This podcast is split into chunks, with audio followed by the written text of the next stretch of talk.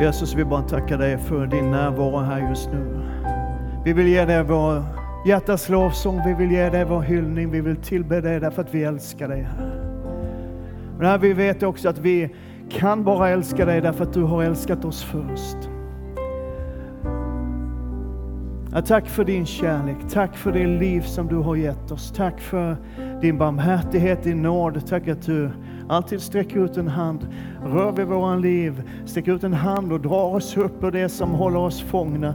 Och här jag bara ber att ditt ord den här söndag morgonen skulle få skapa tro i våra liv och skapa hopp i våra liv och hjälpa oss att resa oss över oro och mörker och elände och bara se vad vi har i dig.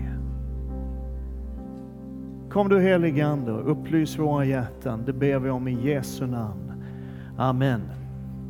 Amen. Hörrni, det här är sista delen i den här serien som vi har kallat för ett nytt förbund. Eh, nästa helg har vi som vi hörde Mattias Martinsson här. Han har fått helt fria händer att predika det som Gud lägger på hans hjärta. Och sen söndagen efter det, den 22 maj tror jag att det kan vara ungefär, ungefär där någonstans, så börjar vi på en ny serie som sträcker sig över hela sommaren, eh, där vi kommer gå igenom Markus evangeliet tillsammans. Det kommer att bli jättespännande. Markus evangeliet som börjar med orden Här börjar de goda nyheterna om Jesus Kristus. Visst är det bra? Och sen blir det liksom bara bättre och bättre hela tiden. Fullt med goda nyheter, hela Markus evangeliet. Så du kan inte åka någonstans i sommar, utan du, du vill bara vara här och ta del av det. Själv kommer jag inte vara här med alltid. Ja, i alla fall. Vi har sagt att den här serien, ett nytt förbund, det är en kort serie. Det är tre söndagar. Det är en kort serie med väldigt långa predikningar. Jag fick ett mejl häromdagen där det stod så här, jag blev väldigt uppmuntrad, det stod så här, be inte om ursäkt för långa predikningar. Alltså mejlet handlade inte riktigt om det, utan det var en sån här häls hälsning i mejlet. Men jag kände att det var en stark profetisk hälsning i de orden. Alltså man kände som, som Paulus skriver till Timoteus, detta är ett ord att lita på och på, och på allt sätt värt att tas emot, eller hur? Amen. Ja. Vi ska fortsätta i alla fall en stund idag och tala om det nya förbundet. Och vi har utgått ifrån den här texten i Lukas evangeliet. Det är en text som Paulus citerar i första Korintierbrevet, du vet som vi brukar läsa i samband med att vi firar nattvard tillsammans. Det står så här i Lukas 22. Och han, Jesus, tog ett bröd, tackade Gud, bröt det och gav åt dem och sa Detta är min kropp som blir utgiven för er. Gör detta för att minnas mig. På samma sätt tog han bägaren efter måltiden och sa, denna bägare är det nya förbundet. Det nya förbundet. Genom mitt blod som blir utgjutet för er. Om jag bara ska göra en, en någorlunda kort resumé på vad vi har talat om hittills, så vill du ha liksom alltihopa så finns det här på vår podcast, på Spotify och på hemsidan. Så du kan ta del av det här, för jag tror att det här är en viktig undervisning. Den befriar både dig och mig. Men det fanns ett förbund, det har vi sagt. Va? Det fanns ett förbund, ett avtal som Gud slöt med Israel efter uttåget ur Egypten. Och Det är liksom grundläggande, det gamla förbundet. Och vi har sagt så här, att det gamla förbundet, det var ett villkorat förbund. Det är fullt av sådana här saker som att om du så ska jag. Men om du inte så ska jag istället. Du hänger med? Alltså det, det, det är en mix någonstans av, av välsignelse. Om du gör vad som är rätt och följer mina ord, säger Gud, så ska jag välsigna dig. Men om du inte gör det, så blir det inte riktigt lika bra. Det, det är ungefär så. Va? Och så har vi sagt att det var ett kollektivt förbund. Ett förbund mellan Gud och ett folk, det judiska folket, en nation, Israel som nation. Det var inte individuellt och det betydde också att det inte alltid hjälpte att du var skötsam, om du nu höll hela lagen. Det har ingen någonsin gjort mer än Jesus. Men, men liksom, om, om du skötte allting som du skulle göra så är det inte säkert att det hjälpte dig eftersom kungen kanske var korrupt och skum och tvivelaktig. Och om inte kungen, liksom stod, som stod i, i, i täten för hela folket, om han inte gjorde vad som var gott i Herrens ögon, så drabbade eländet hela nationen. Det var ett kollektivt förbund. Och så sa vi också att det var ett allt eller inget förbund. Man kunde, inte, man kunde liksom inte ta en del här, ja men det här blir bra. Den vill jag ha tag på. Det finns fortfarande en del människor som vill ha tag på det där från det gamla förbundet. Ja, men om jag ger så blir jag välsignad. Eller sådär. Men man kunde inte, och man kan fortfarande inte, i det gamla förbundet välja ut några delar och så tar man det och så tror man att det ska funka. Därför det var alla mina bud och alla mina stadgar som Gud sa. Om du håller allt vad jag har sagt så ska jag välsigna dig. Men om du inte håller alla mina bud, alla mina stadgar, så blir du istället förbannad. Det är vad Gud säger. Så det var liksom allt eller inget. Låt mig bara göra ett förtydligande, för det här, det här kan vara viktigt att få med ändå. Jag insåg i, igår att jag nog inte har sagt det här, så nu säger jag det här. Det gamla förbundet handlade naturligtvis inte bara om budord och lagar och regler. Det fanns nåd och förlåtelse och upprättelse också i det gamla förbundet. Gud var en barmhärtig Gud också i det gamla förbundet. Det har han alltid varit och Gud ändrar sig inte.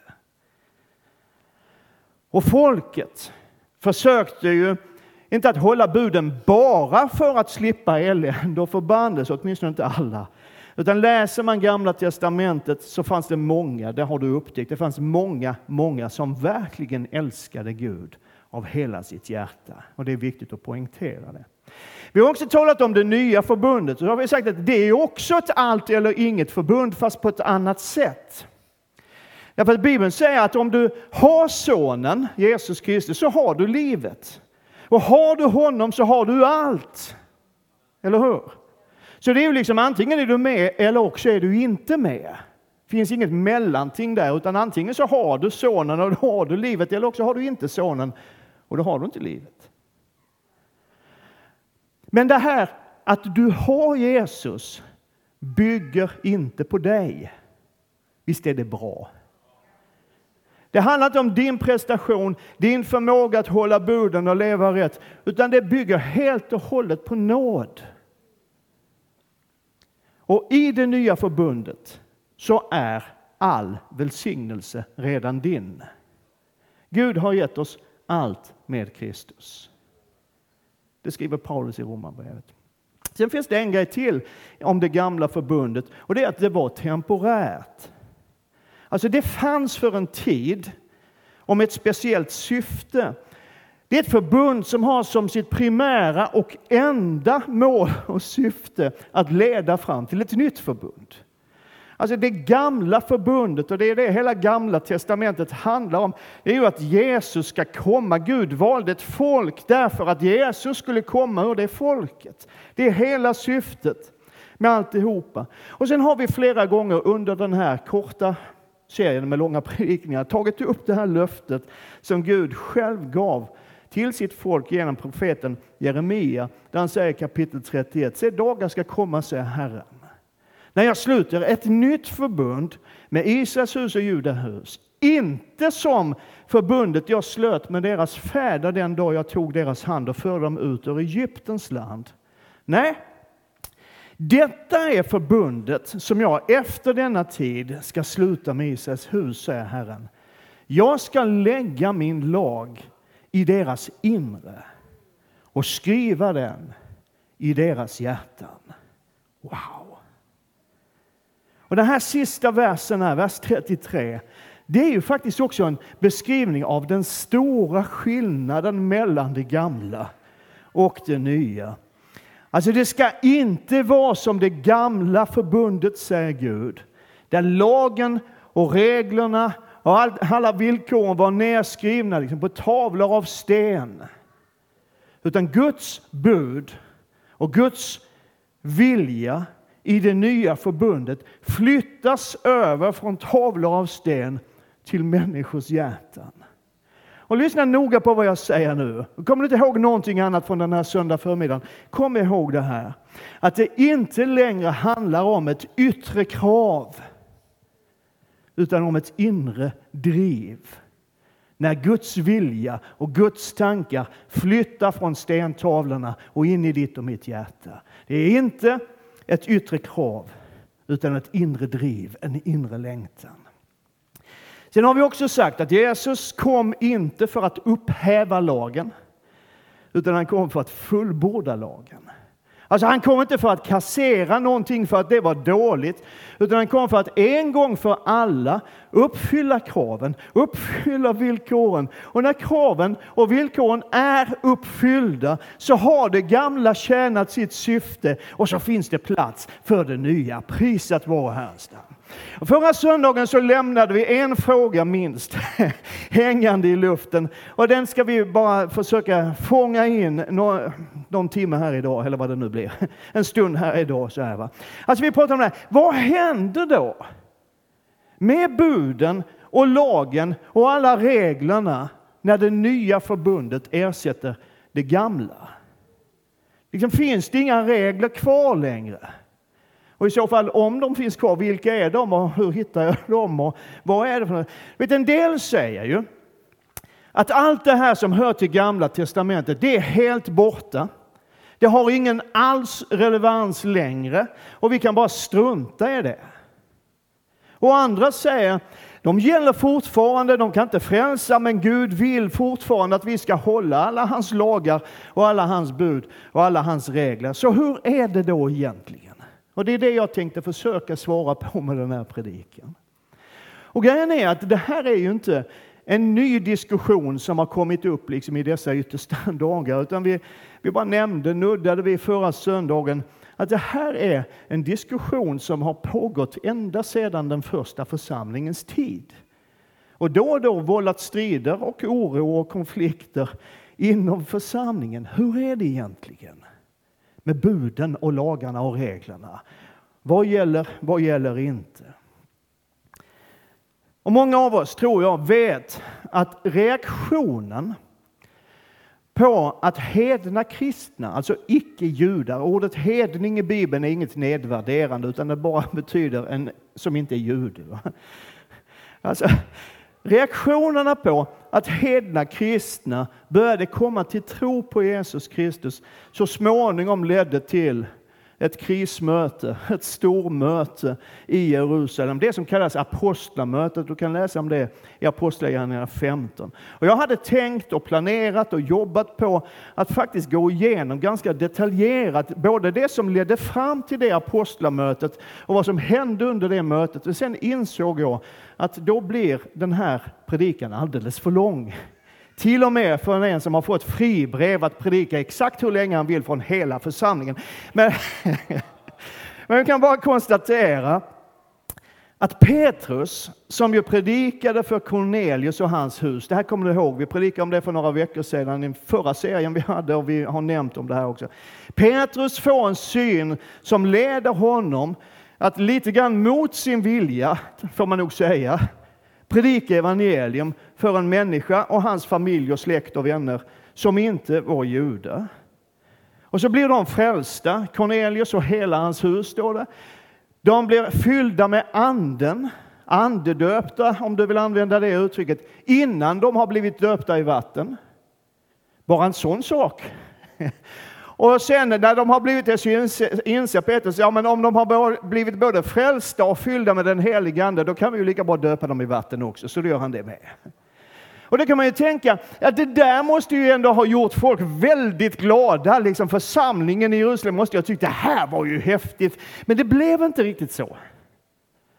Utan när Petrus träffar församlingen i Jerusalem så blir han attackerad och kritiserad för att han har gått in under en hedningstak och varit tillsammans och delat gemenskap och predikat evangelium för människor som inte är judar. Alltså att det tyckte de var lite jobbigt.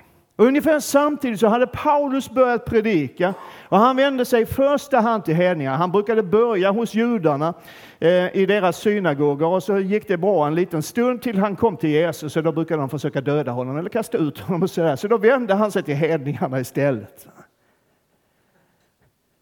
Och han blev ju inte bara kritiserad för att han predikade för hedningarna och att han hävdade att de inte alls behövde hålla lagen eller bli omskurna. Alltihop här. Det var inte bara kritik, utan det kommer en delegation från församlingen i Jerusalem. De hade inget officiellt uppdrag från varken apostlarna eller församlingen, utan de tänkte väl bara att det är vår plikt att försöka rätta till det här. Så man kan säga alltså den första organiserade missionsresan från församlingen i Jerusalem gick ut på att sätta stopp för Paulus och se till att hedningarna började hålla lagen och buden och framför allt att de blev omskurna. Det var liksom deras missionsuppdrag. Det är liksom i grunden, i korta ord, någorlunda korta ord, grunden i det som leder fram till det här krismötet eller apostlamötet i Jerusalem. Världens första församlingsmöte. Och den berättar Paulus och Barnabas, hans medarbetare, om allt som har hänt. Och de berättar att det är massvis med hedningar som har kommit till tro på Jesus. Och en del tyckte väl att det var bra, men de får liksom mothugg direkt från den andra sidan som kräver att hedningarna, om de ska vara frälsta, så ska de omskäras och de ska befallas att hålla Mose lag. man säger till och med att om de inte blir omskurna och håller Mose lag så kan de ju inte vara frälsta. Och där och då så begär Petrus ordet. Och det är så häftigt. Men han börjar med att påminna om att han själv var rätt tveksam, får man säga, till att predika evangeliet för de som inte var judar. Ehm, men att Gud själv överbevisade honom. Och sen säger han någonting. Och det här är, är oh vad det är bra. Han säger någonting som nog alla närvarande i rummet någon gång har tänkt. Men som ingen har vågat säga högt. Vill du veta vad det var? Han säger så här.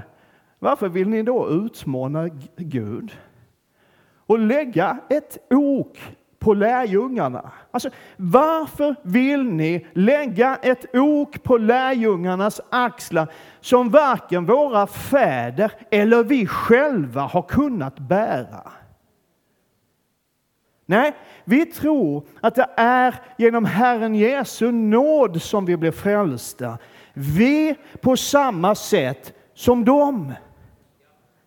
Alltså det här är revolutionerande på riktigt. Det är så skarpt, det är så mitt i prick när Petrus öppet säger som det är. Vi har inte kunnat hålla lagen. Våra förfäder har inte kunnat hålla lagen. Varför ska vi då kräva att de som inte ens kommer från vår tradition ska hålla lagen? Och förresten, fortsätter han, vi tror ju inte ens längre att det är genom att hålla lagen som man blir frälst. Vi tror ju att det är genom Jesu nåd som man blir frälst. Och att det gäller både för oss som är judar och för de som inte är judar. Och det blir knäpptyst när Petrus har pratat färdigt. Det står faktiskt det i Apostlagärningarna 15. Det är liksom, alla vet ju att Petrus har rätt. Ingen av oss har någonsin kunnat hålla lagen och våra förfäder kunde inte heller hålla lagen. Det är ingen genom hela världshistorien som har kunnat hålla lagen. Varför ska vi lägga det på någon annan? Och det blir Jakob, Jesu bror, eller halvbror i alla fall, som till sist avgör hur det ska bli. Hans huvudargument, jag gillar det så skarpt, är att man inte ska göra det svårt för hedningar att vända sig till Gud. Vet, tänk om det kunde prägla församlingars verksamhet och liksom församlingars inställning lite mer. Vi ska inte göra det svårt för människor att vända sig till Gud.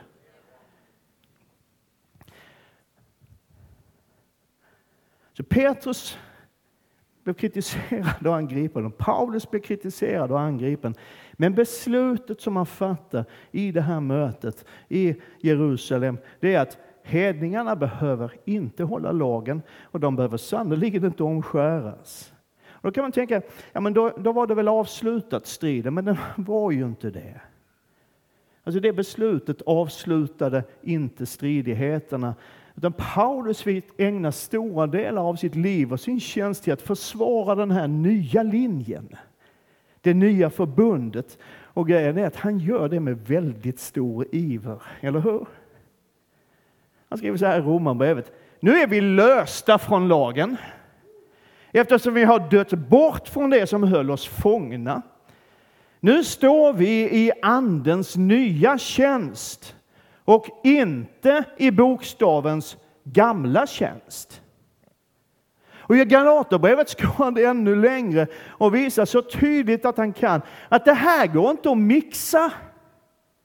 Du kan inte blanda ihop det gamla med det nya. Och de som gör det, skriver Paulus, de predikar ett annat evangelium. Ett förvrängt evangelium. Den engelska bibelöversättningen NIV säger a perverted gospel, ett perverterat evangelium, ett snedvridet evangelium. Och så avslutar han liksom bara dödar all diskussion och säger som inte ens är ett evangelium.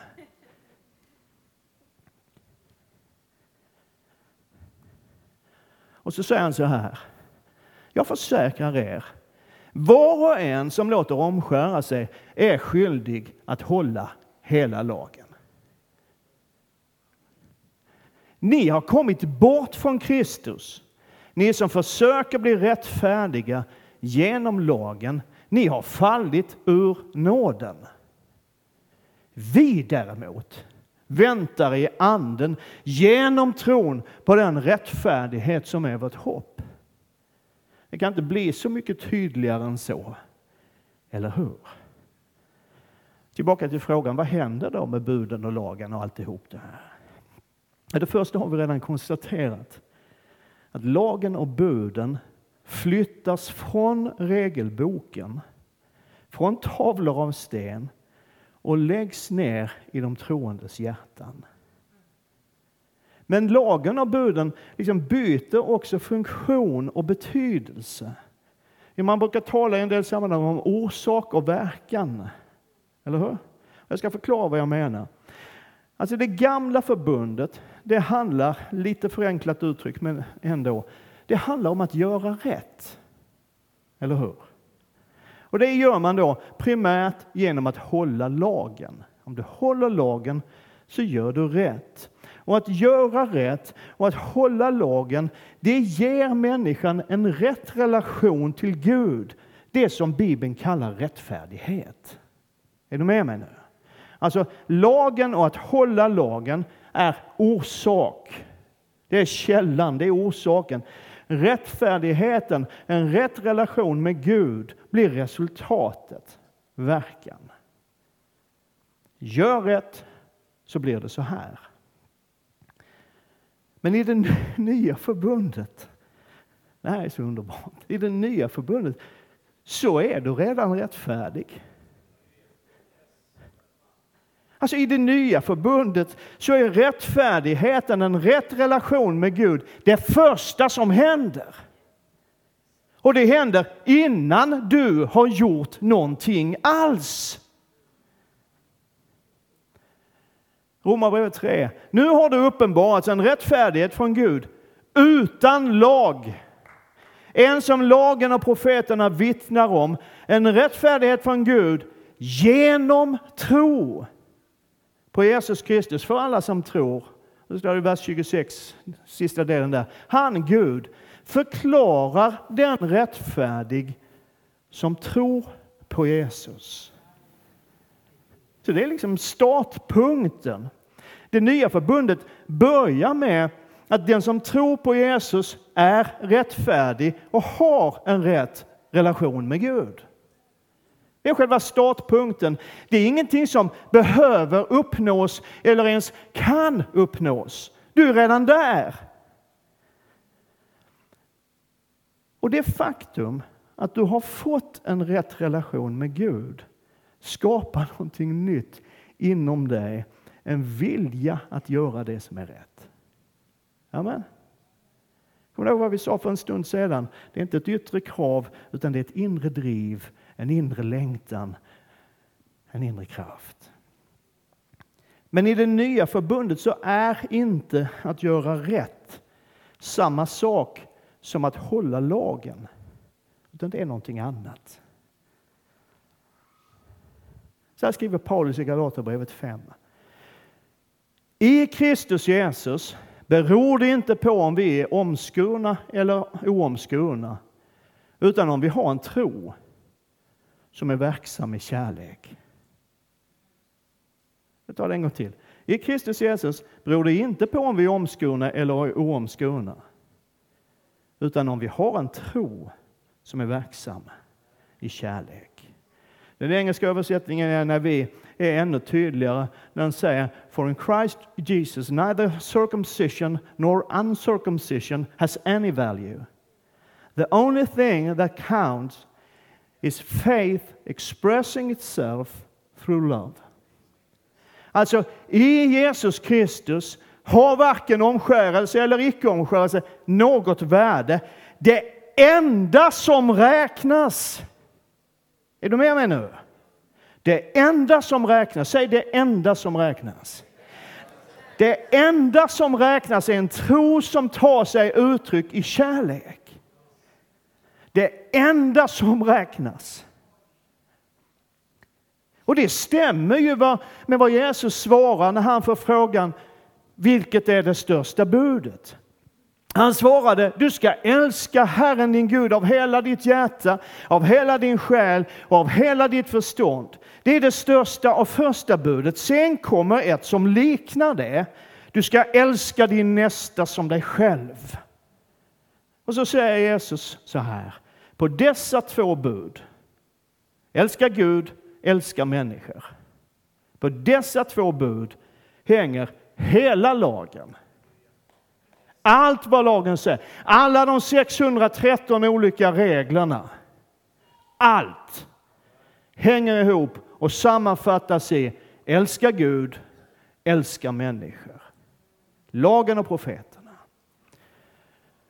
Och det här hjälper oss också faktiskt att förstå, tror jag, vad Jakob menar när han säger, det här tror jag du känner igen, att en tro utan gärningar är död. Han säger, lite provocerande säger han, visa mig din tro utan gärningar så ska jag med mina gärningar visa dig min tro. Och man kan ju tycka att det, det känns nästan lite märkligt att Jakob, Jesus bror, han som till slut avgör frågan hur det ska bli med hedningarna. Han som säger att vi ska inte göra det svårt för människor att komma till, till, till Gud. Han som säger att han vill inte lägga någon ytterligare börda på de här hedningarna. Att han sedan på något sätt ändå i sitt brev verkar förespråka någon sorts gärningslära. Men det är inte det han gör. Grejen är att han säger faktiskt exakt samma sak som Paulus. En tro som inte tar sig uttryck i kärlek är död. Eller den är ingen tro ens. Och jag vet inte om du har upptäckt det. Jag skulle tro att du har upptäckt det, men jag är inte helt säker. Men om du inte har upptäckt det jag ska säga nu så har du nog aldrig läst Paulus. Men Paulus är väldigt noga och väldigt angelägen att poängtera att i det nya förbundet så är vi fria från lagen. Hur många har upptäckt det? Ja, en del har inte sett det. Vi ska ta en ny kurs som... Nej. Vi är fria från lagen. Och samtidigt så finns det väl ingen som undervisar så kraftfullt och detaljerat och ibland krävande om hur man ska leva som kristen som Paulus gör. Alltså det finns massor med avsnitt i Paulus brev om hur man ska vara som kristen och hur man ska tänka som kristen och hur man ska bete sig som kristen. Den här är grejen, Och det här är själva kärnan i de här tre söndagarnas predikningar, så var med mig nu. Det här är vad det nya förbundet handlar om. Och det här är det som jag under tre söndagar har velat komma fram till och visa dig. Kunde inte ha gjort det lite snabbare? Jo, det kunde jag kanske, men, men nu blev det så här. Lyssna nu. När Paulus undervisar om hur man lever som kristen så pekar han inte på lagen. Han pekar aldrig på lagen i de frågorna. Aldrig någonsin. För det är inte lagen och buden som är modellen för livet i det nya förbundet.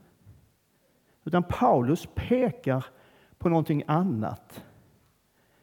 Eller rättare sagt, Paulus pekar på någon annan. Efesierbrevet 4. Lägg bort all bitterhet, häftighet och vrede, allt skrikande, sluta skrika, och förolämpningar och all annan ondska. Det där kan man ju säga, det där är ju regler. Eller hur? Alltså, var istället goda och barmhärtiga mot varandra och förlåt varandra, det är också regler. Vadå förlåt varandra? Hur då? Så som Gud i Kristus har förlåtit er. Vad är exemplet? Jesus Kristus. Vad är det Paulus pekar på för att visa så här lever man som en kristen?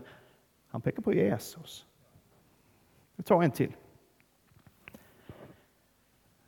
Efesierbrevet 5, 1 och 2. Bli därför Guds efterföljare som hans älskade barn och lev i kärlek. Någon bibelöversättning säger välj kärlekens väg. Det är nästan som man skulle skriva en sån här slagarlåt på det. Liksom, välj kärlekens väg. Med bridge och tonartshöjning och hela kittet så här. Hur ska jag älska? Det är väl lätt att säga det. Välj kärlekens väg, lev i kärlek. Vadå? Hur gör man det? Hur ska jag älska människor? Hur ska jag visa min kärlek? Ja, men det är ju inte genom att hålla lagen och rabbla buden eller att bära fram offer i templet i alla fall. Utan lev i kärlek så som Kristus har älskat oss och utgett sig själv för oss som en offergåva, ett väldoftande offer åt Gud. Vad är exemplet? Jesus Kristus. Hur ska jag älska människor som Jesus älskar människor? Välj kärlekens väg. Älska så som Jesus har älskat oss. Inte därför att det finns en regelbok som säger det, utan därför att hans kärlek har förvandlat ditt liv. Vi älskar därför att han först har älskat oss, skriver Johannes i sitt första brev. Och Paulus säger till och med att vi ska tänka som Jesus. Var så till sinnes som Jesus Kristus var. Alltså I ett av Korinthierbreven, jag kommer inte ihåg vilket, så säger han vi tänker Kristi tankar. Wow!